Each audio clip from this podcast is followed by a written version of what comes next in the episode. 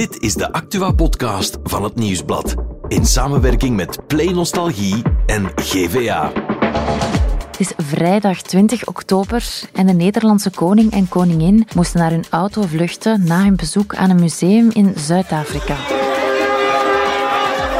Het stormt in heel Europa.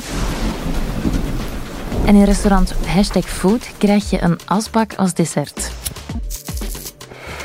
Maar in deze Insider hebben we het eerst over Gaza. Hoe is de situatie daar en waarom is Israël nog niet begonnen aan dat grondoffensief waar ze al twee weken voor waarschuwen? Mijn naam is Serafin Smits en dit is The Insider. Bij ons in de studio zit Jeff van Hoofdstad, buitenlandjournalist bij Nieuwsblad. Dag, chef. Dag, Serafin. Ja, na de verrassingsaanval van Hamas uh, op het zuiden van Israël, dat is intussen twee weken geleden, verklaarde Israël als reactie daarop de oorlog aan Hamas. We hebben er al veel over gelezen, maar hoe is de situatie nu? Vrij schrijnend, denk ik. Het Israëlische leger heeft de bevolking in de Gazastrook opgeroepen vorige week al om vanuit het noorden naar het zuiden te trekken, om zich daar in veiligheid te brengen, zodat zij de leiders van Hamas konden aanpakken.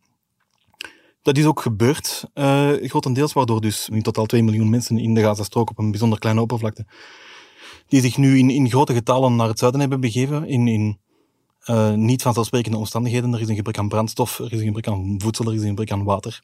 En ondertussen blijft het Israëlische leger al wel luchtaanvallen uitvoeren op uh, de Gazastrook, op Hamas-doelwitten. Maar aangezien dat een, een, zeer stedelijke omgeving is, vallen daar ook altijd burgerslachtoffers bij. Mm Zoals we gezien hebben bij de, de aanval op het uh, ziekenhuis uh, maandag. Mm -hmm.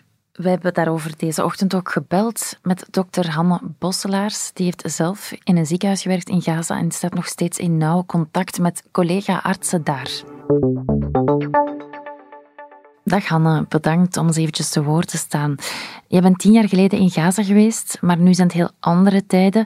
Maar je staat nog steeds in contact met de mensen daar. Wat vertellen zij jou? Uh, ja, dat wisselt een beetje tussen uh, wanhoop en soms hoop. Um, ja, ze, ze, kunnen het nog moeilijk aan. Het is, uh, het is de zoveelste keer. Um, raakt dat persoonlijk heel veel. Want ik, ik vond de tocht van Ramzi Nasser over de Israëlische slachtoffers, die kennen we allemaal bij naam. We weten wat hun dromen waren, welke individuen dat allemaal waren. En de Palestijnse slachtoffers die komen in nummers, uh, die kennen we niet. Er, uh, al die kinderen die, die telkens sterven, daar weten we niet van wie het waren. Maar ik weet dat wel. Dus mij raakt dat heel veel. Mij die mensen een gezicht. Dat zijn, dat zijn mijn ex-collega's, mijn families die daar, die daar leven, die, die extreme angst telkens moeten doorstaan. Die sinds 7 oktober vastzitten in Alauda ziekenhuis. En die gaan niet naar huis, die kunnen zich niet veilig verplaatsen. Dus dat team zit allemaal in het ziekenhuis. Ze hebben heel weinig nieuws van hun naasten. Horen bombardementen in de wijk, dus, dus we weten niet hoe is mijn familie veilig. Ja, bovendien ook vrijdag kreeg dat ziekenhuis een telefoon. Jullie moeten binnen de twee uur evacueren, want er gaat een bombardement komen op uw ziekenhuis. Dus ja, dat was algemene paniek. Toen, toen kreeg ik berichten. Uh, wat, wat, moeten wij doen? We have two more hours. Gaan we het overleven? En toen heb ik eh, de hele nacht niet goed geslapen. Als ik s morgens wakker werd, dat was de eerste foto die ik zag op hun Instagram. Die van een baby die die nacht geboren was. En uh, ze waren dus gebleven. En ze hadden als team beslist... We kunnen niet weggaan. We hebben mensen op de intensieve liggen. En ook, er waren konvooien naar het zuiden gebombardeerd geweest, ambulances. Dus je kon je niet veilig verplaatsen. Je kunt kritieke patiënten sowieso niet veilig medisch verplaatsen.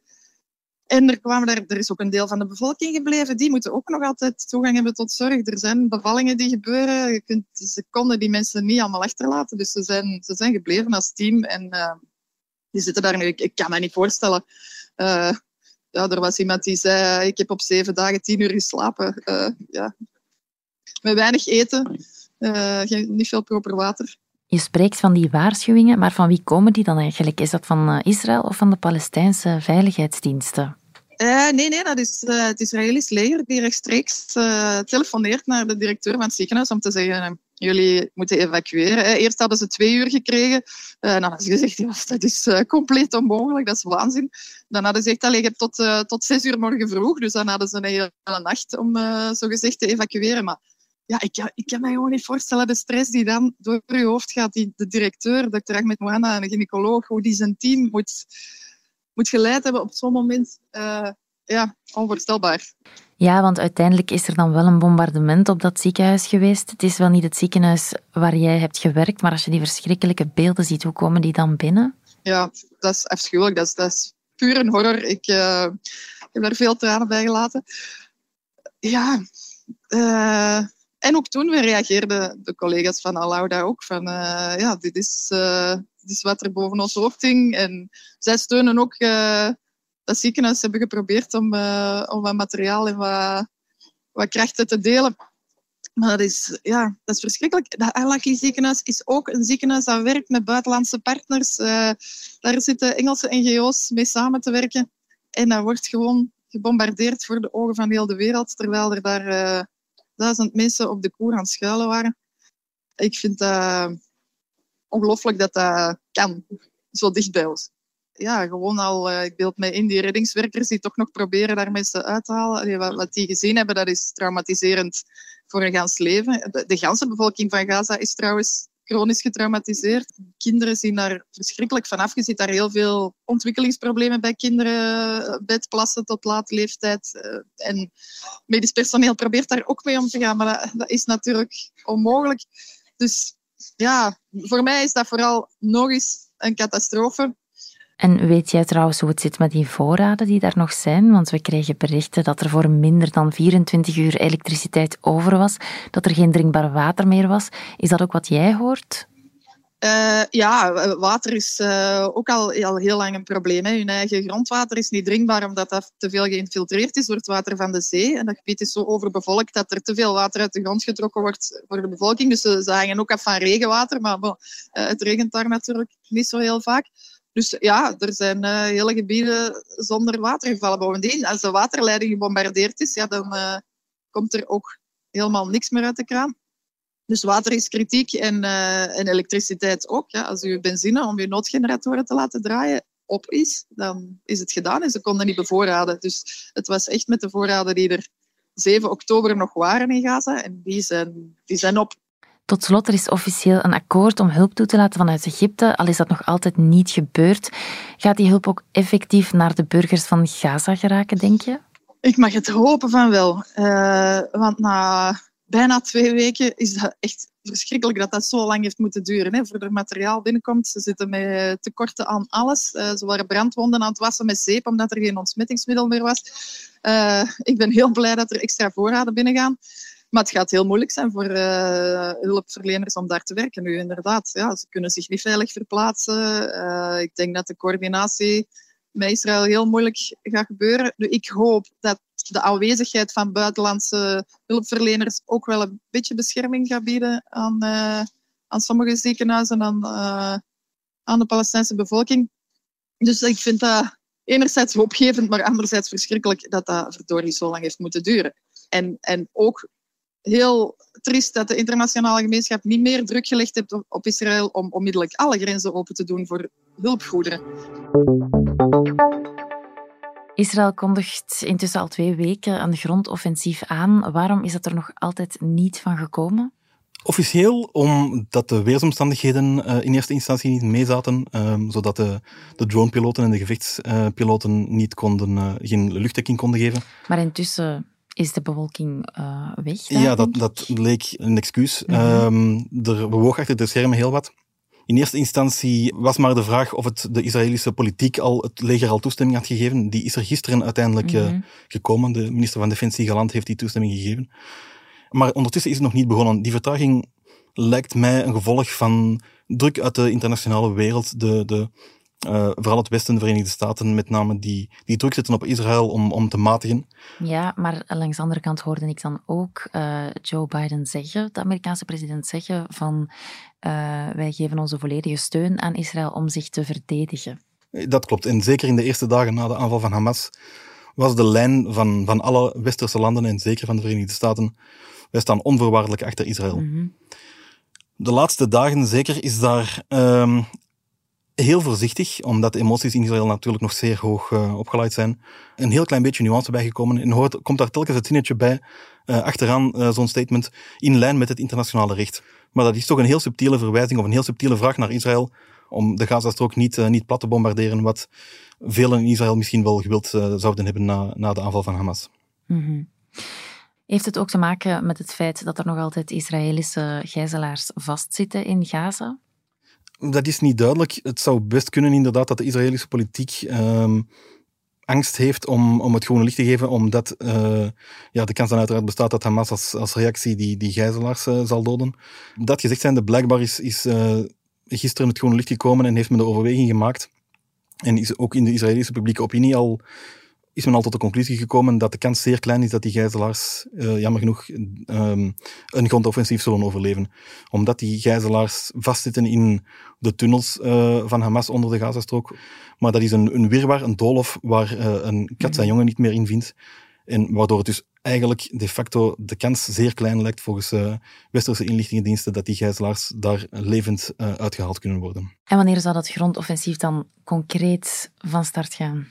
Dat is niet helemaal duidelijk. Uh, her en der klinkt het dat men zou willen wachten op, uh, tot, tot, na de Sabbat, de, de heilige dag voor de Joden, zaterdag. Maar dat zou het volgens Israëlische bronnen niet zijn. Um, de Israëlische politici zouden gisteren al het groene licht hebben gegeven voor het offensief. En de uh, operationele beslissing om effectief te beginnen aan de oorlog, of aan het offensief, ligt nu bij het Israëlische opperbevel. En dat zou het nu even op zich laten wachten, omdat men een, het verrassingseffect maximaal wil uitspelen wanneer men effectief uh, de Gazastrook binnenvalt. Israël heeft inwoners in het noorden van Gaza opgeroepen om te vluchten naar het zuiden. Maar waar komen die Palestijnen terecht dan in het zuiden? Is het daar dan veilig? Mm, het is daar niet veilig. Israël blijft ook doelwitten in het zuiden van Gaza bestoken, uh, die ze beschouwt als, als Hamas-doelwitten, als militaire doelwitten. Uh, de leefomstandigheden in het zuiden zijn ook, zijn ook even schrijnend als in het noorden. Het leven is daar niet veel beter. En die mensen zitten daar dus vast. Is het dan de bedoeling um, van Israël om Gaza volledig te bezetten? Daar is blijkbaar op het hoogste niveau over gedebatteerd. Uh, dat was ook al het geval tussen 1965 en 2005, mm -hmm. geloof ik. Maar uh, Israël heeft zich daarna teruggetrokken uit de Gazastrook en, en dat overgelaten aan de Palestijnse autoriteiten. En ik denk niet dat het zich terug wil wagen aan een scenario waarbij het zelf het gezag in, in de Gazastrook in handen neemt. Mm -hmm. Dat zou betekenen dat je een bijzonder woedende, gefrustreerde en getraumatiseerde bevolkingsgroep ja. van 2 miljoen mensen rechtstreeks moet aansturen door een bezettende macht. Ja, dat wordt een moeras waar Israël zich niet aan wil wagen. En is er een alternatief? Uh, er zou momenteel gedacht worden aan een scenario waarbij de Palestijnse autoriteit, die onder leiding staat van president uh, Abbas, uh, om die terug um, het heft in handen te geven uh, in de Gazastrook. Maar ook daar uh, zijn vragen bij te stellen. Dat betekent eigenlijk dat de Palestijnse autoriteit, die momenteel enkel in, op de westelijke Jordaanoever um, gezag heeft, van Israël eigenlijk aangesteld wordt als gezagvoerder in de Gazastrook. En qua schijn werkt dat ook al tegen. Dat zou betekenen eigenlijk dat, uh, ja, dat er een, mm -hmm. een, nieuwe autoriteit wordt geïnstalleerd door Israël, wat natuurlijk het gezag of de macht van zo'n van zo'n nieuwe autoriteit meteen ondergraaft. Mm -hmm. Ik heb een Palestijnse analist het horen omschrijven als de Palestijnse autoriteit zou in zo'n scenario de Gazastrook binnenrijden achterop een Israëlische tank. Ja. Dat is natuurlijk dodelijk voor de perceptie. Even terug naar hoe de situatie nu is. Hoe reageren de Arabische buurlanden? De woede is daar groot en is alleen maar groter geworden na de inslag in het ziekenhuis mm -hmm. in Gazastad. De Egyptische president en de Jordaanse koning hebben een, een geplande ontmoeting met Amerikaanse president Biden afgezegd. Mm -hmm. Omdat ze ja, niet langer wilden, uh, ja. Ja, geen compromissen wilden sluiten. Bovendien is er dan altijd de rol van, uh, van uh, Libanon, waar Hezbollah zich bevindt, in het noorden van, van Israël. Daar is de situatie zelfs een beetje aan het ontsporen. Er is vrees voor escalatie, omdat daar, um, net als op de westelijke Jordaanover, ook schermutselingen plaatsvinden. Uh. Hezbollah heeft uh, al verschillende pogingen gedaan om Israël te infiltreren. Er worden raketten afgevuurd, Israël schiet dan terug. Israël heeft vannacht en van, vanochtend het bevel gegeven om een aantal dorpen binnen een regio van twee kilometer binnen de grens volledig te evacueren. Vanochtend is ook een, een vrij grote stad uh, in het noorden van Israël uh, volledig geëvacueerd met 25.000 inwoners. Mm -hmm. En het risico is uh, daar dat de, dat de situatie escaleert, omdat Iran natuurlijk achter Hezbollah zit. En dat zou natuurlijk de lont helemaal aan het kruidvat steken.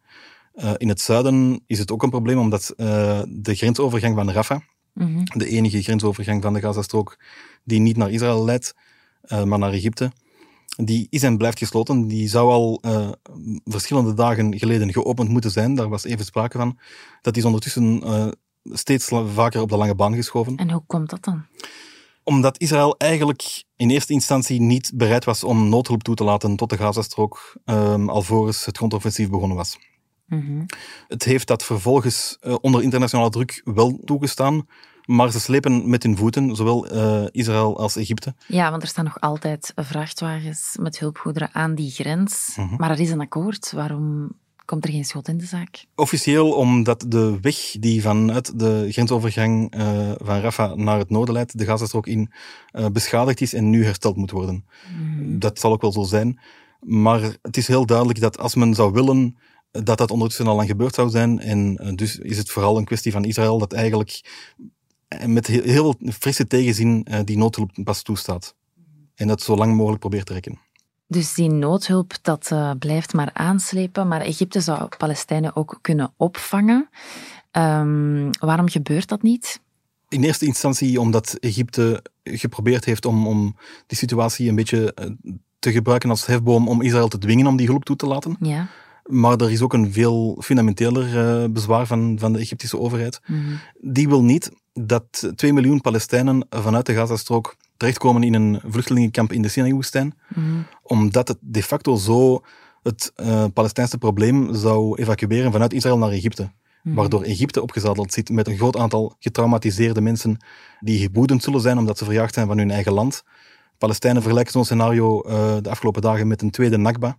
De Nakba was de grote Palestijnse vlucht bij de oprichting van Israël in 1948. Mm -hmm. En bovendien kampt Egypte zelf met economische problemen. Is het dus niet bereid om 2 miljoen vluchtelingen, arme vluchtelingen op te vangen. En kampt het ook met een, een probleem van, van extreem jihadistische groeperingen in de Sinai-woestijn, mm -hmm. die de afgelopen jaren uh, een aantal bomaanslagen hebben gepleegd op toeristische bestemmingen. En wil het niet dat die groeperingen versterkt worden door Hamas. Mm -hmm. Dus Egypte zal nooit toestaan dat, dat die 2 miljoen Palestijnen hun problemen vanuit Israël meebrengen naar Egypte. Ik denk dat de Egyptische president uh, Sisi het heeft omschreven als we houden van de Palestijnen, maar ze moeten blijven waar ze zijn. Dan intussen weten we hoe de VS reageert. Die steunen Israël onvoorwaardelijk. Um, met de kleine lettertjes dan dat ze zich moeten houden aan het internationaal recht. Mm -hmm. Hoe reageert Europa?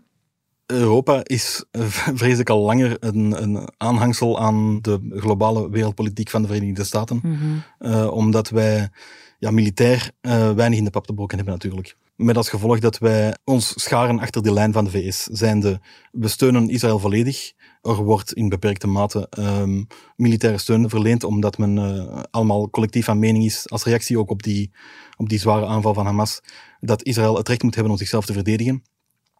En ook wij hebben nadat president Biden de deur een beetje had opengezet, uh, heel subtiel en heel voorzichtig gezegd dat het misschien toch best is om uh, um, het internationaal recht uh, een beetje te respecteren. Ligt het ook aan het feit dat Europa misschien bang is dat die gevolgen van die oorlog daar, dat die ook hier voelbaar kunnen worden? ik weet niet of, of, Europa daar bang voor is. de lijn die de meeste politici momenteel aanhouden is, is erg pro-Israëlisch. Ik denk in tegendeel dat het uh, net die houding is momenteel die het gevaar op, op, op terrorisme uh, bij de moslimbevolking in, in West-Europa wel, wel vergroot. Ja, het lijkt op dit moment een uitzichtloze situatie, maar hoe moet het nu verder? Op korte termijn zal Israël uh, ongetwijfeld het grondoffensief starten. daar, daar valt geen spel tussen te krijgen. En dat is niet onbegrijpelijk. Dat is een emotionele reactie na die aanval van Hamas. Maar op lange termijn weet ik niet of dat een, een slimme beslissing is. Um, president Biden van de Verenigde Staten heeft zelf al gealludeerd, of de Israëlische premier Benjamin Netanyahu proberen te overtuigen om uh, lessen te trekken uit uh, 9-11. Toen hebben de Verenigde Staten in eerste instantie Afghanistan en vervolgens Irak uh, binnengevallen. Wat, een, ja, wat voor decennia een, een, een decennia lange oorlog heeft geleid. En hij probeert Israël daar nu voor te behoeden. Israël zal in eerste instantie uh, die, dat grondoffensief desondanks starten. De vraag is alleen hoe lang dat zal duren. Er zijn een aantal uh, hardliners die graag een uh, 18 maanden lange bezetting zouden organiseren, waarbij alle mogelijke Hamas-leden worden uh, geëlimineerd. Maar dat zou een, een, een, bloedbad worden van hier tot ginder. De meer gematigde stemmen in de Israëlische regering zijn meer voorstander van een gerichte aanpak waarbij vooral de operationele manieren van Hamas om Israël te treffen. Dan gaat het over wapens, over raketlanceerposities uh, te treffen en de grote leiders. En dan op de, de heel lange termijn is het natuurlijk duidelijk dat de emoties moeten weg hebben en dat er gezocht moet worden naar een oplossing voor, voor beide volkeren, waarbij zowel Israël als de Palestijnen een veilig leven kunnen leiden. Het probleem is natuurlijk dat we dat eigenlijk allemaal al, al, al decennia weten, uh, dat er een twee-staten-oplossing moet komen. Maar dat die door allerlei internationaal door elkaar lopende belangen er maar niet van komt. Met als gevolg ja, dat de vrede, als die er ooit al komt, dat die weer voor een generatie uh, vooruit is geschoven. Oké, okay, dankjewel chef om dat hier eventjes uit te leggen. Met plezier. En voor het andere nieuws is onze producer Joni erbij komen zitten. Dag Joni. Dag Serafine eventjes naar Zuid-Afrika, want het Nederlandse koningspaar moest daar vluchten naar hun auto na een bezoek aan een museum. Ja, inderdaad. Ze zijn daar in Kaapstad op staatsbezoek. Uh, ze gingen naar het Slavernijmuseum en toen ze daar buiten wandelden, werden ze eigenlijk opgewacht door tientallen woedende betogers en zijn ze echt naar hun auto geleid moeten worden door security. De mensen die daar stonden, die wouden eigenlijk naast de excuses van koning Willem-Alexander ook um, echt daden om het goed te maken wat er allemaal in de geschiedenis geschiedenis van Nederland en de slavernijgeschiedenis gebeurd is. En als we dan naar buiten kijken, dan zien we dat het regent, maar dat is het geval in heel Europa. Ja, in ons land is code geel afgeroepen, dus dat betekent dat er risico is op wateroverlast en dat noodnummer 1722 geactiveerd is, zodat mensen niet voor wateroverlast naar 112 zouden bellen. Maar ook in Nederland, Duitsland, Denemarken en in de Alpen is er overlast. Maar in Schotland is het eigenlijk het ergste. Daar woedt storm Babette en die heeft al één dode geëist. En dan iets helemaal anders, want uh, in een restaurant in Nieuwkapelle krijg je wel heel speciale desserts. Ja, het restaurant heet Hashtag Food en je kan daar een asbak krijgen als dessert, een brandende kaars, een keukensponsje met drift op een vies bord. En is dat lekker, want zo klinkt het wel niet? Ja, blijkbaar is het een illusiedessert, dus het lijkt iets anders dan het is en het is mhm. blijkbaar heel lekker. Ga jij je eraan wagen? Ah, wel, misschien wel. Oké, okay. smakelijk alvast. Oké, okay, dankjewel Joni. Dan zijn we maandag weer met een nieuwe Insider.